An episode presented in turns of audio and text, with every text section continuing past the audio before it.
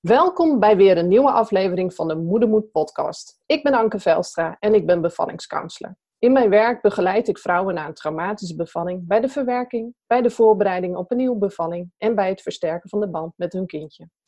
In mijn werk merkte ik dat er nog steeds heel veel dingen rondom zwanger zijn en bevallen worden gezien als een taboe. En dat juist daarom veel vrouwen zich eenzaam voelen in hun ervaring. Zeker als deze anders is dan wat wij als normaal zien. Niet voor elke vrouw is zwanger zijn en bevallen één grote roze wolk. En het is dan ook mijn missie om deze taboes te helpen doorbreken door het delen van echte verhalen van vrouwen zoals jij en ik. Vandaag het verhaal van Kobi. Kobi werd 30 jaar geleden onverwacht en ongepland zwanger van een drieling. Ze moest zich gaan voorbereiden op het moederschap, terwijl ze aan alles voelde dat ze daar nog niet klaar voor was. De drieling werd gezond geboren, maar met Kobi ging het minder goed. Ze kreeg last van een postpartum depressie, maar hield tegelijkertijd voor de buitenwereld de schone schijn op. Ze werd echt ziek en zakte steeds dieper weg totdat ze uiteindelijk opgenomen moest worden. In deze podcast deelt ze haar verhaal. Hoi Kobi, welkom. En uh, wat fijn dat je vandaag uh, je verhaal wil delen met ons in de podcast. En misschien zou je eerst heel kort even willen voorstellen, zodat de luisteraars je ook een beetje kunnen leren kennen. Ja, ik ben, uh, zoals je al zegt, Kobi. Ik ben getrouwd met Idik en ik ben moeder van een drieling die inmiddels 30 is. ik ben auteur, storyteller en schrijfcoach. Waar het eigenlijk op neerkomt, is dat verhalen mijn ding zijn. Ik, uh, ik schrijf ze, ik vertel ze en ik help ze schrijven. Nou, het is wel een hele mooie combinatie. En ook heel fijn uh, dat je dan in de podcast ook jouw verhaal gaat delen. Want ja, dat is dus helemaal jouw ding, hè? Ja, zeker, zeker. Ja, hey, en ik vind het uh, altijd wel leuk om iets bijzonders te weten te komen over mijn podcastgasten. dus misschien heb jij ook iets wat bijzonder is of wat typisch voor jou is. Ja, vond ik een hele leuke vraag. En daar had ik een soort van twee antwoorden op. Want als je gaat kijken naar uh, wie ik, naar zeg maar hoe ik ben, ja. dan ben ik ja, eigenlijk van kinds af aan al altijd een raadgever geweest. Altijd degene waar mensen met problemen naartoe kwamen. En dat ik daar dan ook altijd een oplossing voor zag. Ik, ik, ik zie altijd kansen. En daarom is het ook niet gek dat ik dus ook schrijfcoach ben. En uh, als je dan kijkt van uh, wat, wat kan ik, dus, dus hoe, hoe, hoe laat dat zien? Ja, dan is het uh, wat ik heel mooi schijn te vertellen. En ik kan gedichten schrijven, die komen bij mij op als, om even zo te zeggen, als poepen. Dus weet je, okay. onderwerp, wat dan ook. En dan, ja. Ja gedichten komen bij mij zo op over een onderwerp of wat dan ook. En oh. Nou, wel heel bijzonder. De meeste mensen, als ze dat willen, dan zitten ze voor zo'n leeg blaadje of een leeg scherm en dan komt het, komt het niet, weet je wel. En bij jou komen ze zo, zo omhoog. Ja, ja. oh, heel bijzonder. Ja. hey, en jij bent natuurlijk in deze podcast over zwanger zijn, over bevallen, over het moederschap. Uh, en niet zomaar, want ruim 30 jaar geleden, misschien is het zelfs inmiddels al 31 jaar geleden, werd jij onverwacht en ook ongepland zwanger. Ja. Hoe oud was je op dat moment en hoe zag jouw leven er op dat moment uit? Ik was 26. Uh, mijn man, toen nog mijn vriend uh, en ik hadden net een uh, huis gekocht. En we woonden net een paar maanden samen. En we waren druk bezig met het plannen van onze bruiloft. Dan moet je weten dat ik van Molukse afkomst ben. En wij mhm. geven door de bank genomen altijd hele grote bruiloften. Dus wij waren ongeveer, ja, zeg maar een half jaar uh, zaten we voor de bruiloft. En de, de planning was al, al, al, een half jaar eerder aan de gang. Ja. dus zo zag mijn leven eruit. En voor het eerst op mezelf wonen, dat. Ja, dus eigenlijk een hele nieuwe stap net genomen ja. in je leven. En toen ontdekte je dat je zwanger was. Hoe, hoeveel weken was je op dat moment toen je dat ontdekte? Nou, zoals gezegd was ik dus ongepland zwanger. Ja. En uh, ik kwam erachter omdat, uh, nou ja, uiteraard de menstruatie uitbleef. En nou ja, nou had ik dat wel eens vaker. Mm -hmm. dus daar, daar sta je er niet zo bij stil. En zo rond zes weken, dus zeg maar twee weken dat ik over tijd was, ging ja. toch maar een zwangerschapstest halen. En die bleek Die gaf hartstikke roze aan. toen had je, ik weet niet hoe de testen er nu uitzien, maar toen in die tijd dan, dan gaf die roze aan. Ja. En eh, daarna een afspraak gemaakt bij de huisarts om het dan ook echt zeker te weten. Ja. En uh, nou ja, daar kregen we ook een uitslag dat ik zwanger was. Dus ja, dat was dan zo. En dat, dat was dan een schok. Ja. Wat ging er op dat moment door je heen? Toen wist ik nog niet dat ik van een drieling zwanger was. Hè? Nee, dus alleen eh, zwanger? Ja, ja ehm, we zaten gewoon in de, in de beginfase van ons huisje, boompje, beestje. En het huisje en het eh, boompje, dat, eh, da- da- daar waren we net eh, mee aan de gang. En, en zeg maar het beestje, de kindjes, ja, die hadden wij nog lang niet gepland, zeg maar. Dat, we wilden toch minstens, nou zo als ik na mijn dertigste of zo pas Ja. met aan kinderen beginnen. Eerst rustig even settelen. En... Ja, Ja. ja. Ja. En, eh, nog heel veel plannen en nog heel veel willen doen, eh, reizen, eh, nou ja, Ja. je carrière, ja, al dat soort dingen. Ja. En toen bleek op een gegeven moment ook dat je niet zwanger was van één kindje, maar van drie. Ja, Wat, wat, wat deed dat met je toen je dat hoorde?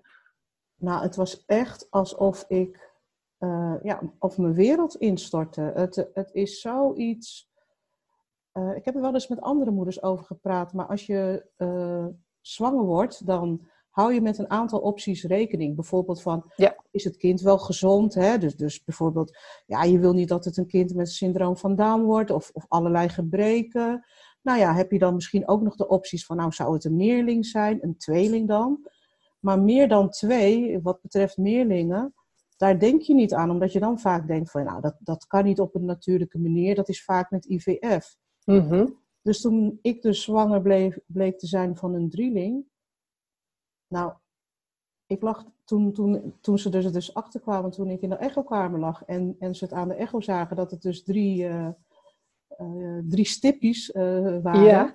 Ja. Ja, toen, toen wilde ik eigenlijk letterlijk door dat bed heen zakken. Want ik wilde al niet zwanger worden. En dan ook nog eens een keer van drie. Dat kon ik eigenlijk niet aan. En dat wilde ik ook niet. Nee, Dus je ik, kon, ik, ik, vond het heel erg. ja. Kon Je dat, dat niet voor je zien hoe, hoe Nee. dat zou zijn? Nee, Helemaal niet. Nee. nee. Maar hoe werd daarop gereageerd op dat, op dat moment door, door je omgeving? Nou, dat is wel typisch. Eh, ik, ik kan gewoon zeggen dat de mannen, eh, en dan in eerste instantie mijn, eh, mijn man, mijn vriend toen, Mhm. Nou, die reageerde zo van, oh, wat leuk. Goh, wat leuk. Dat was echt de reactie van mijn man, van mijn vader, mijn Ja. broers. En eh, de vrouwen, dus mijn moeder en mijn zus, eh, dat, dat zijn dan de mensen aan wie ik het in eerste instantie heb verteld. Nou, die, die reageerden net zoals ik, van, oh, wat erg. Ja. En ik denk dat dat ook wel het verschil tussen mannen en vrouwen aangeeft. Omdat mannen die denken van, nou ja, wat maakt het uit? Dat zijn mijn mannen ook letterlijk. Wat maakt het uit? Eén of twee of drie. Eh, terwijl wij vrouwen natuurlijk meteen al denken aan de praktische zaken. Zo van, ja, hoe, hoe gaat het met drie in je buik? En hoe doe je dat straks met borstvoeding? En gewoon überhaupt al Ja. die praktische zaken. En dat is ook waar ik meteen mee worstelde. Ja. Hoe, hoe moet ik dat straks gewoon hebben? Ja. ja. Ja. Ja. En eh, hoe heb je eigenlijk de rest van de zwangerschap ervaren? En bij welke termijn ben je uiteindelijk bevallen? Ehm, eh, zoals ik al zei, de, de, de zwangerschap was voor mij geestelijk zwaar, maar ook lichamelijk. Je moet weten dat ik niet zo groot ben. Ik ben, eh, ik ben echt net eh, anderhalf meter. En, Ja. ehm, en mijn buik eh, die groeide als een skippiebal. Oh, dus op ja. een gegeven moment eh, was het ook zo dat ik opgenomen moest worden. Ja. Ik kreeg een te hoge bloeddruk.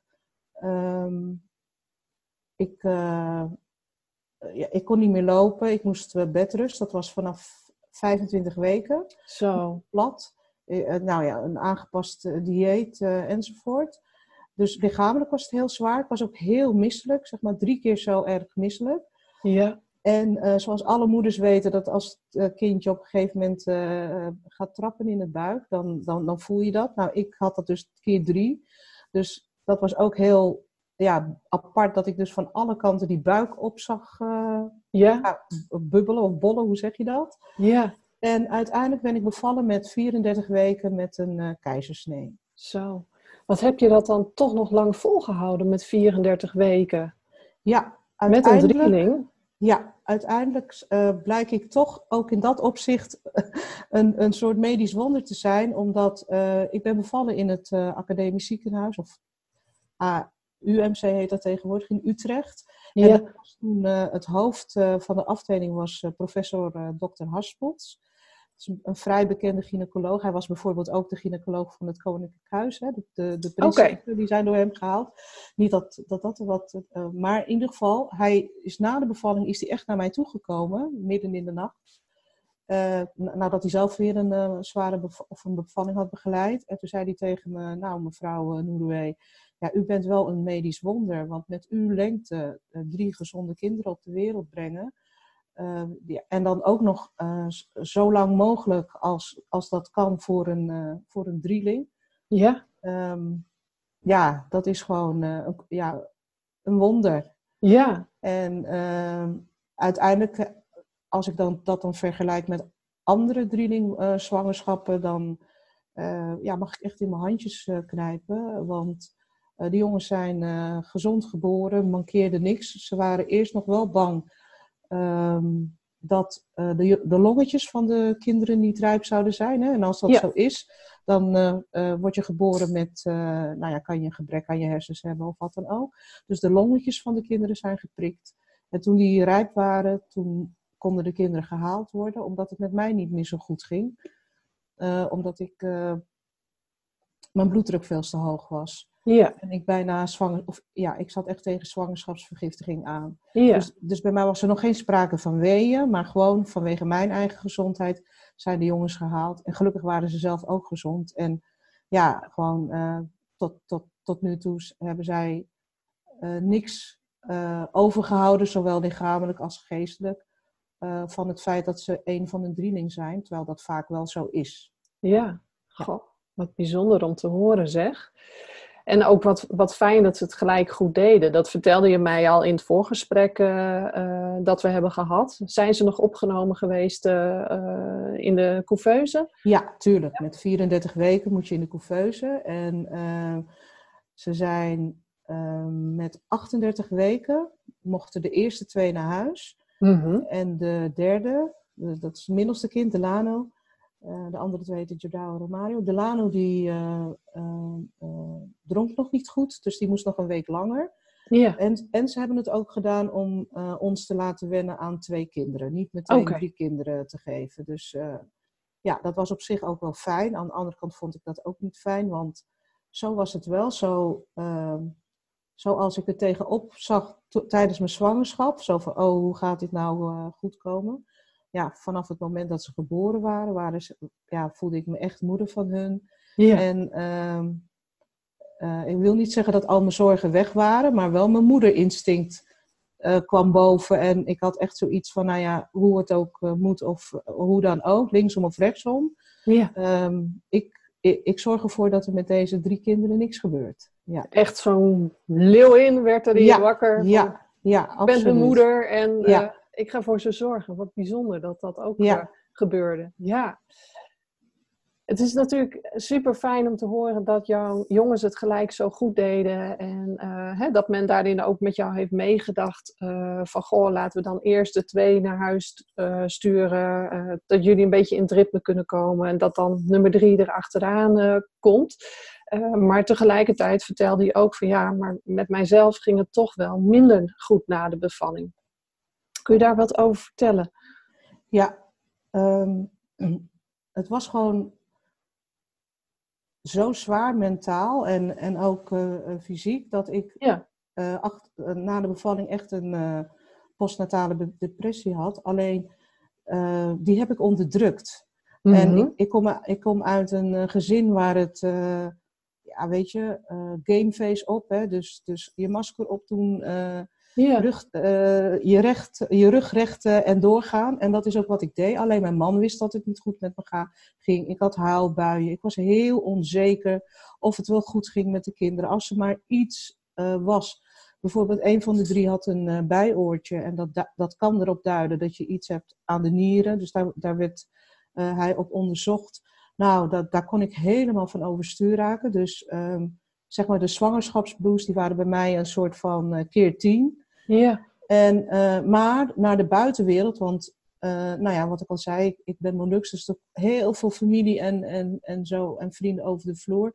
Ja, dan, dan was ik gewoon de super gelukkige, super blije moeder. Mhm. maar ondertussen ging het gewoon niet goed met mij. En nee dat is wel een tijdje zo doorgegaan. Ja. Ja. Dus, dus ik leefde echt een soort van in uh, wat laat ik zien aan de buitenwereld. En, uh, en mijn gevoel onderdrukte ik op alle manieren. En de enige die ik daar dan een beetje inkijk in gaf, dat was mijn man. Ook naar de artsen toe en zo hoor. Dan, uh, zij, zij, kende mij ook alleen maar zo. Oh, uh, dat is zo'n flinke, ze is zo flink en altijd vrolijk en leuk met die kinderen. maar ondertussen ja, het, het klinkt bijna als je het zo vertelt, alsof je in, in twee werelden leefde eigenlijk. Ja, ja. De, de, wereld waarin je de schone schijn ophield van hoe geweldig goed het allemaal met je ging. En ook de wereld waarin het eigenlijk helemaal niet goed met je ging. Nee, dat, dat klopt. En het, had, en, en het had ook deels met mijn jongens te maken, omdat ik zoiets had van. Als ik nou aan de wereld laat zien dat, dat ik het er moeilijk mee heb, of, of, of wat dan ook, heb, of wat Mhm. dan ook, ehm, eh, dat mensen dan medelijden met de jongens zouden krijgen. Of, zo, of zouden denken van, oh, wat een... eh, ze hebben geen eh, eh, eh, moeder die, die goed functioneert of zo. Ja. Dus, ehm, dus moest ik mezelf eh, sterk eh, houden. Want ja, die gedachte had ik. Ja, als ik er nu aan terugdenk, denk, denk, ik, dat- denk ik van... eh, waarom heb ik mezelf dat aangedaan? Maar ehm, ik wilde ook niet zielig gevonden worden. Er waren ook heel veel, vooral vrouwen, moeders, hè, die... eh, Mhm. medelijden met me hadden. En eh, diep in mijn hart had ik dat ook met mezelf, maar dat wilde ik niet. Eh, dus, dus doordat ik wist dat mensen zo dachten, liet ik juist zien van, oh nee hoor, ik kan dit aan en ik ben helemaal happy en het is helemaal oké. En terwijl dat, dat, dat, dat was gewoon niet zo. Nee. Wat zul je je ook eenzaam zo nu en dan moeten hebben gevoeld, eh, doordat je dat eigenlijk hoe je je werkelijk voelde niet kon laten zien aan de buitenwereld? Ja, eh, ja eigenlijk best wel. Hè. Ik, kon het alleen, Ja. ik, ik kon en ik wilde het alleen maar met mijn man delen. Ja. Eh, en, en daarin waren dan ook de jongens wel weer mijn redding. eh, want ja, met hun bezig zijn enzovoort. Dat, dat gaf me dan wel weer rust. Dus het was, ja, het, het was dubbel. Dus Ja. aan de ene kant vond je het moeder zijn heel moeilijk. En Mhm. aan de andere kant gaf het moeder zijn je ook ja, de steun die je nodig had. Dus het Ja. was een hele moeilijke, rare tijd, ja. Ja. En je vertelde mij in het voorgesprek dat we hadden eh, dat, dat jouw cultuur, hè, je zei al een paar keer, ik ben van Molukse afkomst, eh, daarin toch ook wel een rol heeft eh, gespeeld. Vooral hoe de moeder ook gezien wordt in, in jouw cultuur. En, Ja. Maar ja, je, jij bent nu in, in Nederland en ook de Nederlandse cultuur. Dus ik hoorde toen in het voorgesprek ook wel dat er soms een, een beetje ook een loyaliteitsconflict speelde tussen hè, de, de cultuur van afkomst en de Nederlandse cultuur. Hoe, hoe, hoe ging dat eigenlijk? Eh, nou, mijn moeder en, en haar moeder en alle moeders die daarvoor kwamen, dat waren eh, ja, proto, het prototype moeders eh, die, zeg maar de klassieke moeders, hè, Ja. verzorgend, ehm, zichzelf wegcijferend, dat laatste Mhm. vooral. Eh, die twee dingen verzorgend. Ehm, als er iets niet bij mij past, is het verzorgend. En, eh, en ik was ook niet eh, zo'n zo'n type meisje. Dus ik was ook niet een, een- het prototype Molukse meisje. Eh, Nee. dat had te maken met mijn eh, opleiding. Ehm, eh, ik ik eh, stond niet vanzelf in de keuken, wat bij, in onze cultuur voor vrouwen heel normaal was. En eh, ja, ik was eh, vrij zelfstandig en eh, Ja. ja. best geëmancipeerd. Dat was allemaal prima hoor, daar had, had mijn Mhm. moeder ook geen problemen mee. Maar er wordt wel verwacht dat je als moeder jezelf totaal, ja, je, je toewijding volledig is aan je kinderen. Ehm, dat zag ik zelf niet zo zitten, maar ik wilde wel zo zijn.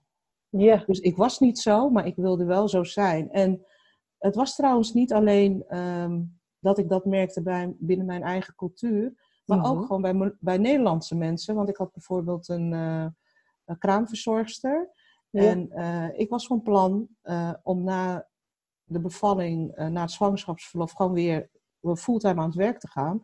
Uh, dat was uh, A, omdat we het gewoon nodig hadden qua geld. Hè? Die, die training was ongepland. Ja. Maar ook omdat ik toen al wist van, ik moet ook een stukje voor mezelf hebben. En dat was dan Mhm. het werk. Want als ik alleen maar met de kinderen bezig zou zijn, uh, dat, dan zou dat niet goed voor me zijn. En, en die uh, kraamverzorgster, die vond dat raar. Ja. Uh, die zei van, ja, sowieso als je een drieding hebt, dan, dan, dan ga je toch niet werken. En ik kreeg dat ook terug van mannelijke, Nederlandse mannelijke collega's. Uh, dus, het is, dus het is sowieso iets uit mijn cultuur. Maar in die tijd dan, ik denk dat de tijd wel veranderd is nu 30 jaar later. Um, ging men er toch van uit dat, je, dat als je dan uh, drie kinderen tegelijk krijgt, dat je ze dan ook gaat verzorgen. Ja. En ik, ik was daar niet het type voor. Nee, nee. nee. En um, nou ja, je, je vertelde hè, dat je heel goed was in, in het masker opzetten en gewoon doorgaan. Uh, je hebt ook daadwerkelijk gewerkt, uh, uh, vertelde je me. Ja. maar uiteindelijk kwam het toch wel een, een punt dat het gewoon echt niet meer lukte. Dat vertelde je ook. Ik werd hartstikke ziek. het lukte niet meer. Ik zakte steeds verder weg.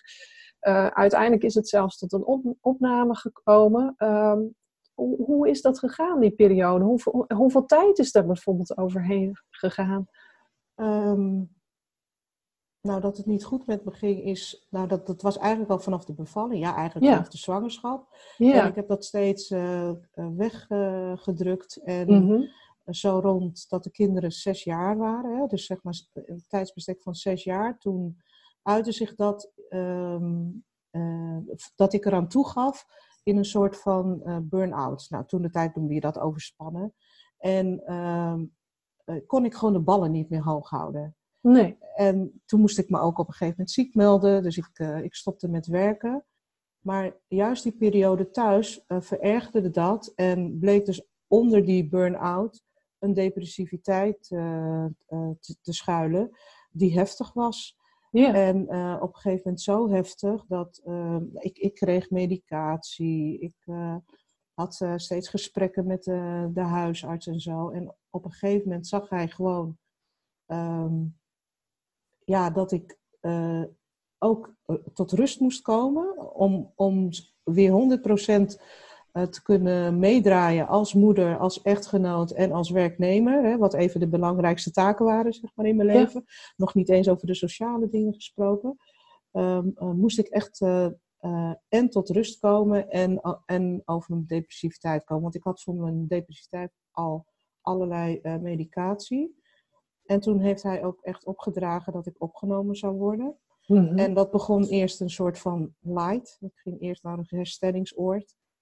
Uh, waar het heel erg om tot rust komen komt. Maar ook dat je daar allerlei therapieën ging, uh, kreeg. Maar ja, het was net alsof toen ik eraan toegaf... dat het een soort van ging uh, spiralen of zo. Dat het erger Oh, ja. werd. Ja. En, en toen ben ik echt zwaar depressief uh, geworden. En, en ook echt opgenomen geweest voor, ja, voor dat wat er niet goed ging ja. in mijn hoofd. Ja. En dat heeft best nog wel een tijdje geduurd. Dan heb je het over een kwestie van maanden dat ik uit huis moest, terwijl mijn kinderen toen zeven jaar waren. Ja. Dat, dat, is uh, tot nu toe de allermoeilijkste beslissing in mijn leven geweest. Dat kan ik me heel goed voorstellen. Dat is niet iets wat je voor ogen hebt als, als moeder. Nee. En ik kan me ook voorstellen dat op het moment dat je thuis kwam te zitten, uh, eigenlijk dat stukje waar, wat jou overeind hield, ook hè, het werk, het stukje voor jezelf nog hebben, Ja. de structuur die dat ook bood, ja, alles viel weg. Dus op, op dat moment, ja, dan zak je er eigenlijk steeds verder en verder in. Uh, ja, totdat je op een punt komt van, ik, ik kom hier gewoon echt niet meer zelf uit. Dit, dit gaat niet meer zo. En ja, ik, ik kan me voorstellen als je dan opgenomen wordt, uh, ja, je kinderen langere tijd moet missen. Uh, natuurlijk, je, je doet alles voor je herstel. En daar hadden we toen ook over in het voorgesprek. Zo van, ja, als moeder kan ik pas goed voor mijn kinderen zorgen als het met mij goed gaat. Dus het was ook nodig, maar toch, ja, ik kan me voorstellen dat dat een enorm heftig besluit voor je moet zijn geweest. Ja, dat, dat was het sowieso. Plus dat er veel onbegrip was, vooral van Ja. mijn eigen moeder. Ja, Die, uh, die zoiets had van, uh, ja, je mankeert uh, niks aan je organen of, of wat dan ook. nee, Ja, zolang je nog kan, kan lopen en, en, en je, je kan ademen en je mankeert lichamelijk niks, dan kan je ook voor je kinderen zorgen. Dat was haar devies. En, Ja. en ja, er was ook een stem in mij die dat ook vond, natuurlijk. Ja, dus eigenlijk de, de steun die je op dat moment zo hard nodig had, uh, kreeg je ook niet helemaal van je omgeving? Niet, niet, van mijn omgeving, alleen van mijn man. Van je man gelukkig wel. Mijn man, ja. uh, omdat hij natuurlijk het hele proces bij mij heeft gezien. En ook weet uh, ja, hoeveel moeite het me kostte en hoeveel verdriet het me deed.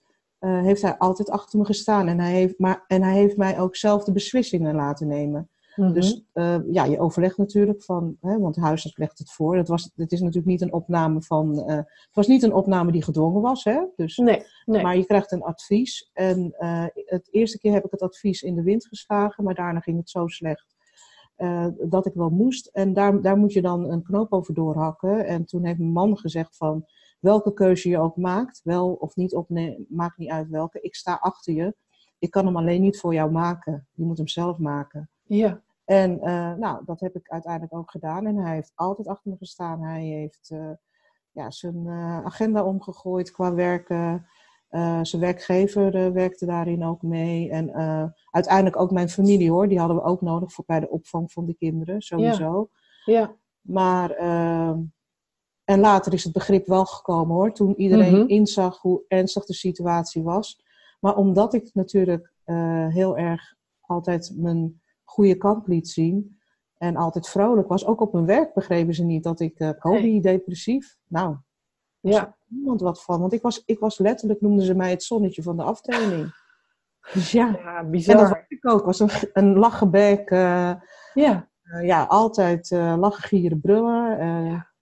Dus ja, en mensen verwachten dan... dat niet. Ja, dat, dat ik dan, of all people, instort. Ja, dat hadden ze van iedereen verwacht, behalve van jou. Ja, en uiteindelijk, ik, kijk, de gebeurtenis met de drieling zijn wel de trigger geweest. -hmm. Alleen, er zat natuurlijk al lang iets niet goed. Hè? De, dat, het is niet zo van dat zij de oorzaak zijn geweest. Zij zijn wel absoluut de trigger geweest. Maar ja. het, het, en, nou, nou, ga ik wel heel erg technisch worden. Maar het had natuurlijk te maken met uh, mijn zelfwaardering, uh, met uh, ja, hoe ik zelf opgevoed ben, met mijn perfectionisme. Want ik moest natuurlijk een perfecte moeder zijn. En hoe kon ik dat nou zijn voor drie kinderen enzovoort. Ja, dat, dat waren de kwesties die in mijn hoofd speelden. Ja. En die groter waren dan alleen mijn moederschap. Ja, ik, ik zie heel vaak ook bij de vrouwen die ik begeleid, dat juist die thema's, die, die, wat daar nog zit, wat, wat je misschien tot tot het, eh, tot het moment dat je moeder werd nog wel kon onderdrukken of uh, omheen kon gaan. Ja. Op het moment dat je moeder wordt, dat is zo'n transformatie, dan worden die thema's die worden aangeraakt. Absoluut. Ja. Dus ja, wat jij zegt, dat herken ik heel erg van, uh, van de vrouwen die ik heb begeleid. Maar ook, ja, ik denk eigenlijk ook wel persoonlijk dat ik dat wel herken. Uh, en, en dat je daarin dus, je hebt daarin wat te doen. Je, je kunt Ja. een post nog blijven wegdrukken, maar dat kost je zoveel energie. Op de lange termijn hou je dat gewoon niet vol. En kom je op een moment dat je echt instort en dat het niet meer lukt. Nee, en uh, ik heb ook gemerkt, dat, althans bij mij is gebleken, dat hoe langer ik het uh, wegdrukte, mm -hmm. hoe erger het werd. Hè? Ze, het, ja. het, is net als, uh, wie zei dat? nou? Maar goed, weet je, het, alsof het probleem gaat rotten. Ja. En, en, en wanneer je gewoon meteen aanpakt, dan, dan is het allemaal nog beheersbaar. En laat je laat je het langer lopen, dan, dan, dan moet je er ook meer aan doen om het weer goed te krijgen. En dat is bij mij wel gebleken. Ja. Hoe, hoe lang heeft uiteindelijk dat traject geduurd dat je opgenomen bent geweest? Uh... nou, al met al op en af, hè, want ik ben niet aan één stuk door, maar het is op en af heeft het een jaar geduurd. Mm -hmm. En um, dat ik echt genezen was. Um, ja, ik denk twee jaar, tweeënhalf. Mm -hmm. Dus ik ben daarna ook nog uh, na de opname nog uh, lang thuis geweest. Dus uh, echt hele intensieve therapieën gevolgd.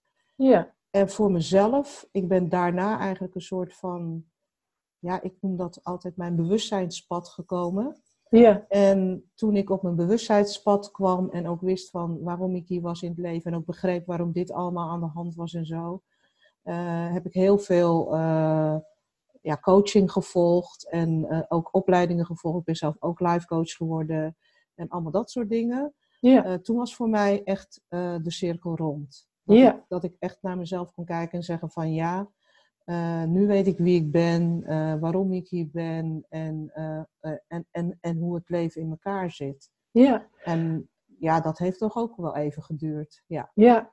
Nou, daarin sla je al een heel mooi bruggetje naar, mijn volgende vraag die ik voor je had.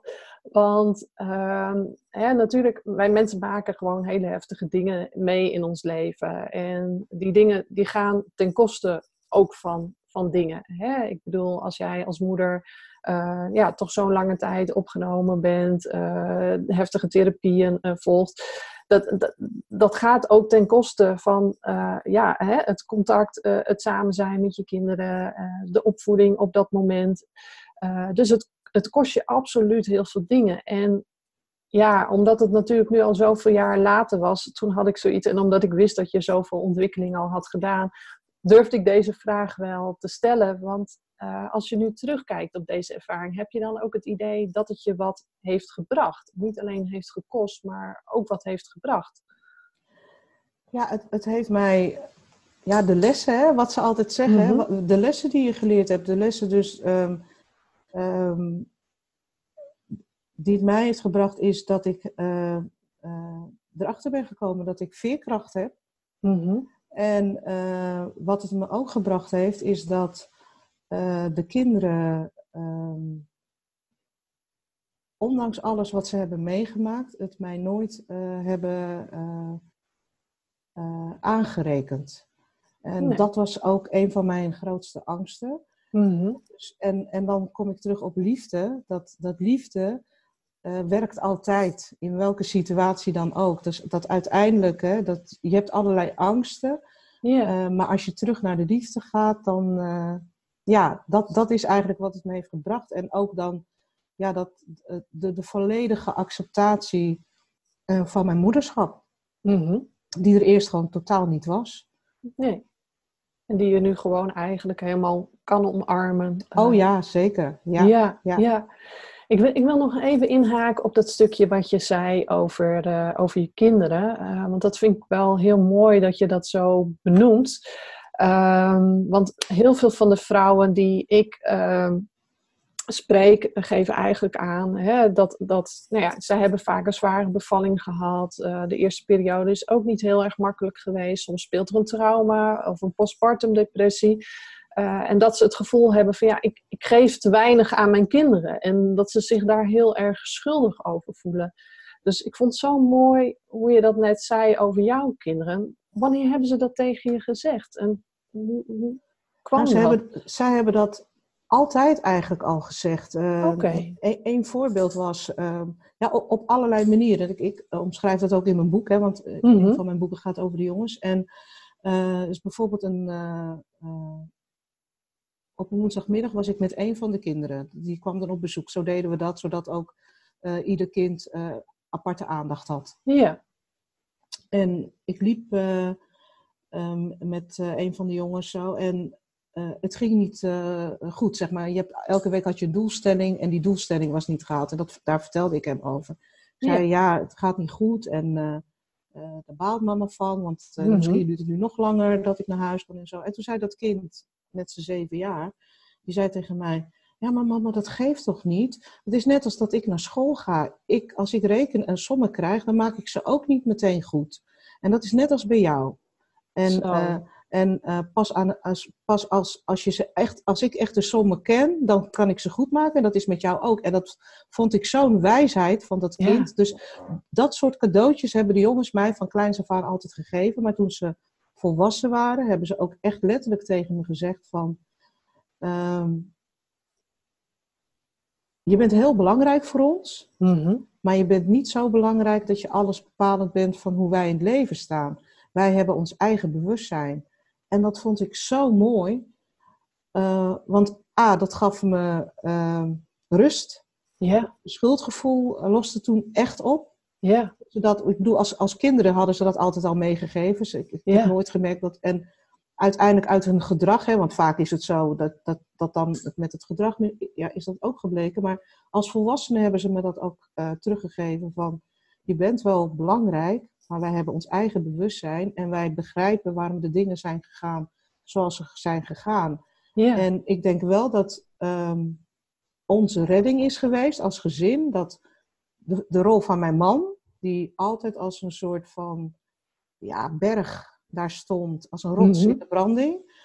En het feit dat de jongens een een-eigen drieling waren, waardoor ze al hun emoties altijd heel goed met elkaar konden delen. Sterker nog, eh, die kenden ze automatisch van elkaar. ja. Dus, dus ehm, dat, dat, dat was gewoon eh, ja, zo duidelijk voor hun, waardoor alles wat moeilijk was altijd met z'n drieën gedeeld was. Ja, ja zo'n sterke verbinding eigenlijk. Ja, ja. ja. Goh, maar wat je net vertelt over, over je zoon toen hij zeven was, hoe hij dat zei. Oh, ik kreeg Ja. gewoon kippenvel ja van. maar dat, het, het is echt zo. Ja. Ja, wat een wijsheid inderdaad dan voor zo'n klein mannetje op dat moment. Oh, fantastisch. Ja, ik kan me voorstellen dat het op dat moment je- heel veel bracht toen hij dat eh, Ja, zei. zeker, zeker. Ja. Ja, ja, hoe moeilijk het ook was op dat moment voor je. Maar ja, dat is dan echt even zo'n lichtpuntje waarvan je denkt... "Oh, ja, hier, hier doe ik het voor. Hier ben ik zo hard voor aan het werk. En Absoluut. ja, ja.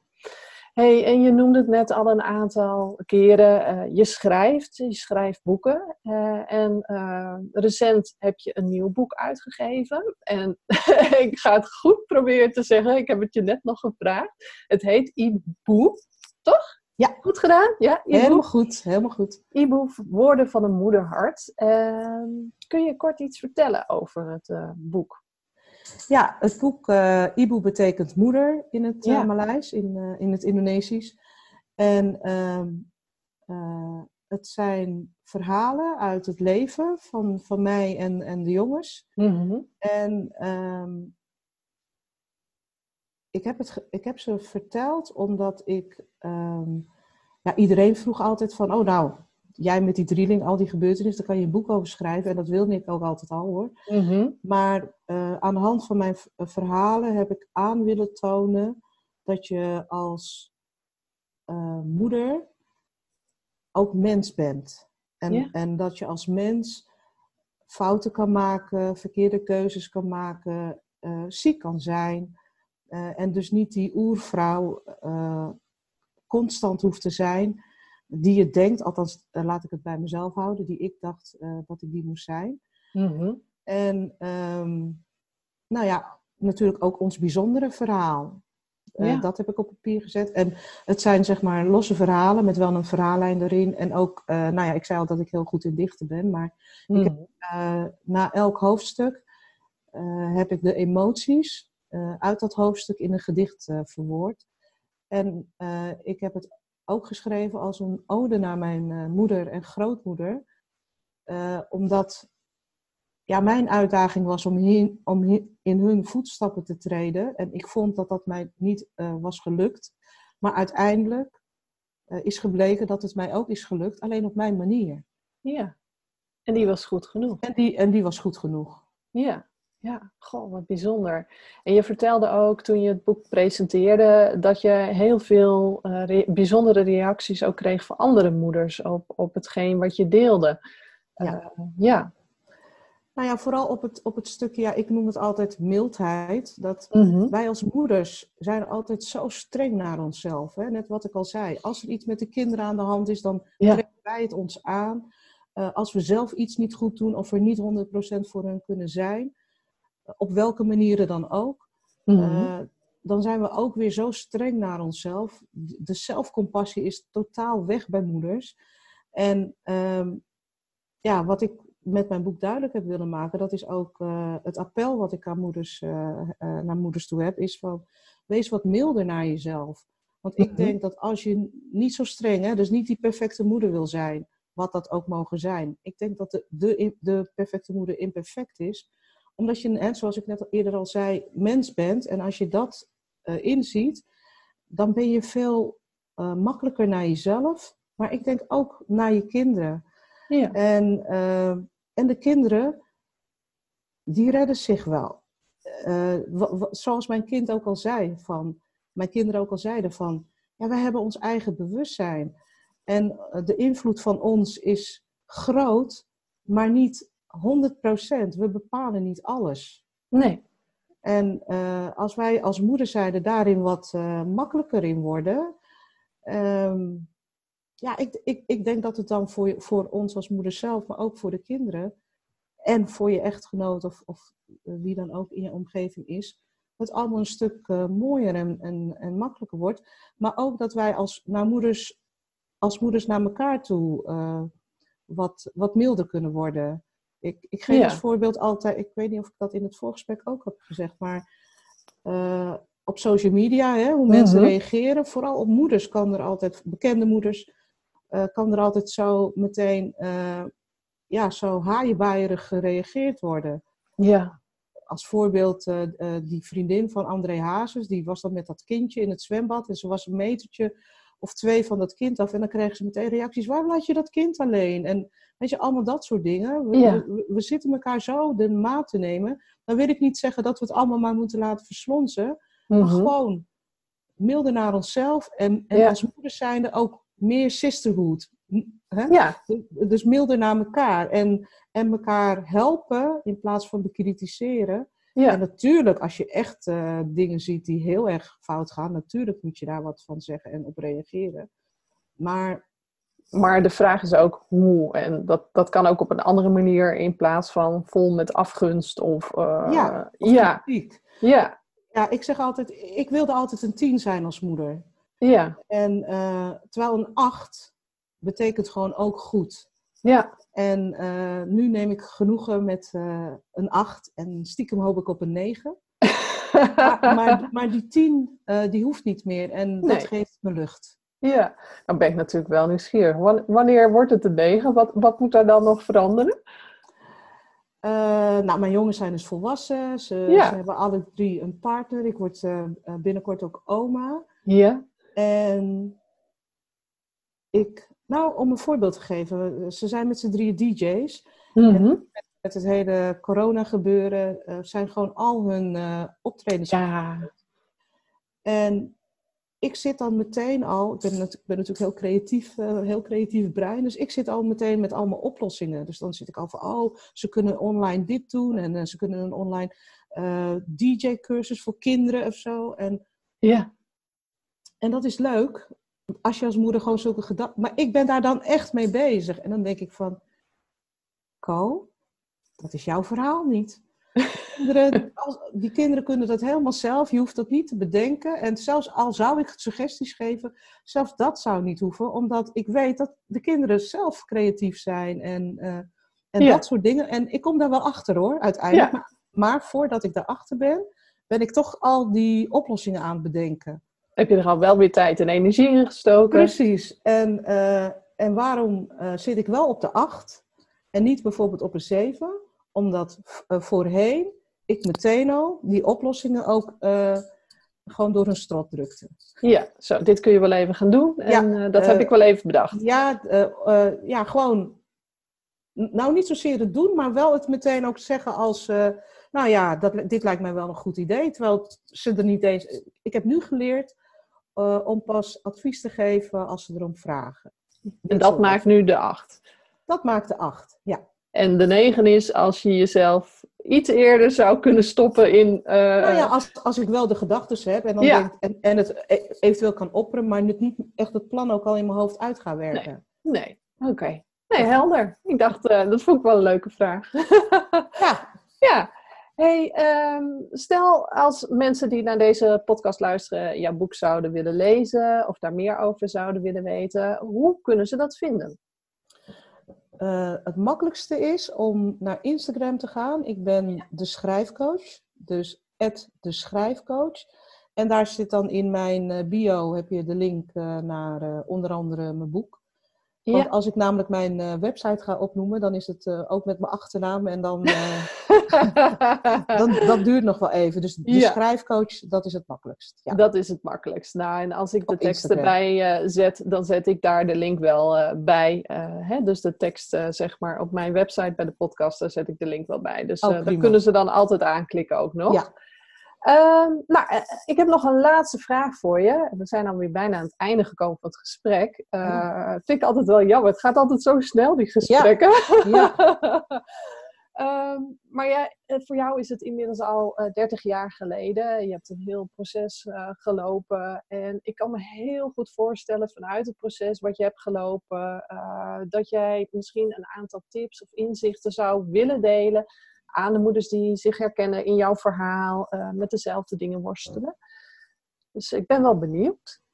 Nou, eigenlijk heb ik ze al gegeven. Ja, dus, dat dus, dacht ik ook al een dus, beetje. Maar... Ja, de, de, eerste tip is, uh, wees mild naar jezelf. Ja. Het hoeft niet allemaal uh, een tien te, te zijn. Um, uh, de tweede is dat je niet alleen maar moeder bent, maar veel meer dan dat. Dus we schieten vaak meteen alleen maar in de rol van moeder en mhm. alles komt op de tweede plaats. Hè? Je echtgenoot, uh, je werk, noem alles maar op. Zoek daar de juiste balans in. Hè? Dus, dus zie jezelf nog steeds als een volledig mens met verschillende rollen en niet alleen die moederrol. Ja. En um, vertrouw ook in, in, de, in het bewustzijn en ja, de veerkracht van je eigen kind. Ja. En dus als jij het af laat weten, op wat voor manier dan ook, mag je erop vertrouwen uh, dat jouw kind uh, daar, da, daar zelf mee kan dealen. Ja. Want dat heb ik ge gemerkt met mijn kinderen. Dat ondanks de heftige dingen die ze hebben meegemaakt, ja, ze er niks aan over hebben gehouden. Want dat was mijn nee. grootste angst. Ze zijn uitgegroeid tot stabiele volwassenen met een goed leven. Leuke mannen, ja, absoluut fantastisch. Waarmee, waarmee ik nog steeds een uh, uh, heerlijke band mee heb. Ja, nou ik denk dat dat vrouwen een enorm, ja, hoe zal ik dat even zeggen in de juiste woorden, ja, misschien wel een stuk vertrouwen ook geeft. Van als zij nu ook in zo'n situatie zitten, ehm, dat ondanks dat toch hè, hun kinderen gewoon doorontwikkelen, dat het ze niet hoeft, op een negatieve manier hoeft te beïnvloeden. Uh, ja, ik, ik, heb misschien nog een mooi uh, citaat uit mijn boek. Die, die is niet ja. van mezelf hoor, maar van, van uh, Louise Hay. En de schrijfster Louise Hay. Mm -hmm. En coach is ook. En dat is alles in het leven gaat in volg, of verloopt in goddelijke volgorde. En hoe weet je dat? Omdat het anders, anders was geweest. Ja. En dat heeft mij, toen ik in de put zat, mm -hmm. enorm geholpen. Omdat, hè, dus, dus het is net als nu met corona, weet je wel. Zo van, hoe zijn we hier met z'n allen ingekomen? Nou ja, het is de goddelijke volgorde. En hoe weet je dat? Omdat het anders, anders was geweest. En ja. dit gaat dus over acceptatie. Dat hoe sneller je, je omstandigheden, hoe heftig ze ook zijn, accepteert, hoe beter je er doorheen komt. En ik accepteer ja. mijn omstandigheden in het begin totaal niet. Nee. En dat heeft me alleen maar meer worsteling uh, gegeven. Ja. Wauw. Nou, dat, dat klinkt wel echt heel mooi zoals je dat uh, zegt. En ik herken dat ook echt wel persoonlijk heel erg. Van ja, het, het, het accepteren dat het zo is. Uh, dat je de, ja, in die situatie zit. Want anders blijf je daar zo tegen worstelen en vechten. Ja. En wanneer je die overgave hebt van jezelf, van oké, het is nu eenmaal zo, ja, dan ontstaat er eigenlijk ook weer ruimte om er stapje voor stapje uit te kunnen klimmen en uh, verder te kunnen. Ja, ja, heel mooi. En ik denk ook een fantastisch mooie afsluiting van, uh, van deze podcast. Ik wil je echt ontzettend bedanken dat je je verhaal hebt gedeeld in deze podcast. Uh, Jij bedankt. Heel, ja, een kwetsbaar verhaal en tegelijkertijd straalt er ook gewoon heel veel kracht uit. En uh, ja, ik vind het zo mooi dat je dat zo, zo rustig uh, en ja, ik kan het soms. Dat is een dingetje voor mij. Dan wil ik de woorden kiezen en dan kan ik het gewoon soms niet in de juiste woorden zeggen. Om, omdat het heel veel met mij doet, zo'n gesprek. Dus dat is een dingetje voor mij. Maar ik ben gewoon heel erg blij uh, dat je het zo hebt gedeeld. En ik denk dat de luisteraars hier echt heel veel aan zullen hebben. Wat je ze hebt verteld. En uh, hopelijk ook een heleboel kracht uit kunnen halen. Dat, dat hoop ik ook. En jij ook bedankt. Graag gedaan. En uh, luisteraars, bedankt voor het luisteren en heel graag tot een volgende keer.